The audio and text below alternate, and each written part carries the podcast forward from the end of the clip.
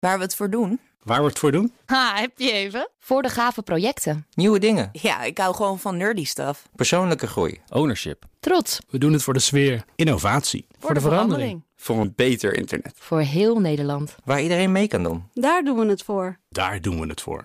Waar doe jij het voor? Kom werken voor KPN en groei op jouw manier. Check de actuele vacatures op het gebied van data, security, development en networking op jobs.kpn.com/tech. Wetenschap vandaag. Biologen in Utrecht die hebben gezien hoe een parasiet zich razendsnel kan aanpassen naar een variant die gunstig is voor zowel de plant als voor hemzelf. En waarom dat goed nieuws is voor onze gewassen, ja, dat horen we van niemand minder dan van wetenschapsredacteur Carlijn Meinders. Carlijn, goedemiddag. Goedemiddag. Parasieten, ehm, ik dacht altijd een negatieve associatie ermee te hebben, die wil je niet en al helemaal niet in je plant hebben, toch? Ja, nou, parasieten of parasitaire bacteriën, die kunnen zich dus prima aanpassen. Van profiteur naar compagnon, zeg maar. Eh, nou, bestuderen eh, deze biologen van de Universiteit Utrecht al enige tijd de beestjes, bacteriën die je vindt op de wortels van planten. Ze dan eh, hoe helpen ze de planten, wat doen ze om de plant gezond te houden, hoe helpen ze bij ziektes, tekorten, bijvoorbeeld een tekort aan water of voeding. Maar in dit onderzoek hadden ze een nog specifiekere vraag, vertelt onderzoeker Ronnie de Jonge.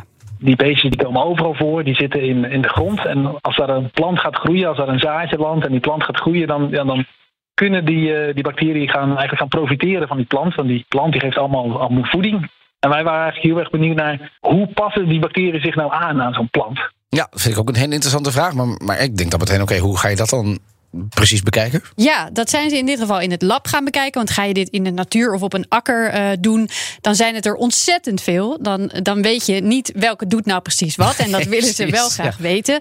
Dus dan moet je per stuk gaan kijken. Dus ook in dit onderzoek hebben ze er eentje uitgekozen. En dan zagen we eigenlijk dat een bacterie waarvan we weten dat die in veel omstandigheden voordelen geeft aan de plant. eh, als je die in het laboratorium op de plant aanbrengt, eigenlijk één op één, waarbij je dus alleen die bacteriën en alleen de plant. Dus eigenlijk, eigenlijk dat die plant daar heel erg veel last van had. Ja, misschien denk je nu, dit werd toch gewoon een positief verhaal. precies, Wat is ja. Ja. Eh, het komt goed, het komt goed. Cliffhanger. Ja, ze zijn gaan kijken. Eh, die relatie is dus niet meteen goed. Als je dat helemaal terug bent naar de basis, je brengt die parasiet en die plant bij elkaar. Nou, dan werkt dat niet. Maar uiteindelijk in de grond zien we dat dat wel werkt. Dus, dus wat gebeurt er dan? Wanneer bloeit die liefde op? Wat we deden was eigenlijk, we hebben dus die bacteriën, die voegden we toe aan die planten. En die planten die hadden daar eigenlijk, eh, eigenlijk heel veel last van. Misschien meer last dan, dan we van tevoren hadden gedacht met deze bacteriën. We zagen dat die planten er eigenlijk ziek van werden en eigenlijk dood aan gingen. En eigenlijk voordat die planten dood gingen, hebben we toen bacteriën hebben daar weer van, eigenlijk van die planten wortel afgehaald. Vanaf gewassen. En vervolgens hebben die bacteriën weer opnieuw aangebracht op planten. In totaal hebben we dat in zes cycli, elke was vier weken. Dus eigenlijk in, in een half jaar tijd zijn we, hebben we continu die bacteriën weer blootgesteld aan een nieuwe plant, aan een gezonde plant. Jongen, jongen, ik dacht dit is relatietherapie tussen de plant en de parasiet. Maar dit, maar dit klinkt meer als een uitputtende training. Nou, eh, dat is eigenlijk precies wat het was. En een succesvolle training ook nog. Over de tijd zagen we dat steeds die plant er wat minder last van had. Tot helemaal eigenlijk op het, op het laatste zagen we eigenlijk die plant er beter van ging groeien. Beter ging groeien dan als er helemaal geen bacteriën waren. Die parasieten leerden dus eigenlijk die plant steeds beter kennen. En uiteindelijk was daar toch die goed werkende relatie. Wauw, het is een soort immuun. Ehm, en hoe kan dit uiteindelijk, want daar gaat het natuurlijk om, onze gewassen helpen? Nou, er wordt al veel gebruik gemaakt van eh, microben toepassen, zeg maar, bij het kweken van planten. We weten inmiddels dat die enorm belangrijk zijn.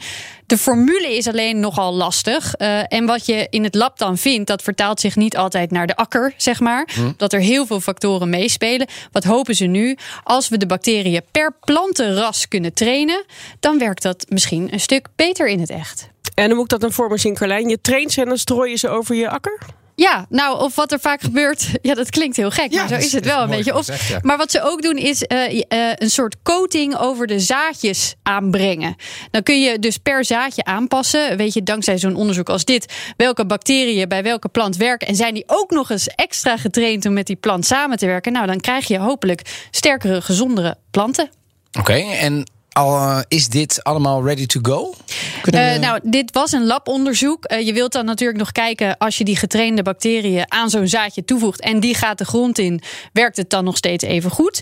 Want misschien train je hem dan wel om met die plant goed samen te werken, maar kan hij het dan niet meer vinden Oh, met de rest ja. van de microben in de bodem? Ja. Zou kunnen. Ja. Dus dat is wat ze de komende tijd nog willen gaan onderzoeken. Iedere keer weer hetzelfde. Meer onderzoek is nodig. Altijd. Heel goed, dankjewel Carlijn. Ook Hugo Reitsma vind je in de BNR-app. Superhandig die BNR-app. Je kunt alle programma's live luisteren, breaking nieuwsmeldingen. Je blijft op de hoogte van het laatste zakelijke nieuws. En je vindt er alle BNR-podcasts, waaronder natuurlijk de belangrijkste, Boeken zijn in de wijk. Download nu de gratis BNR-app en blijf scherp.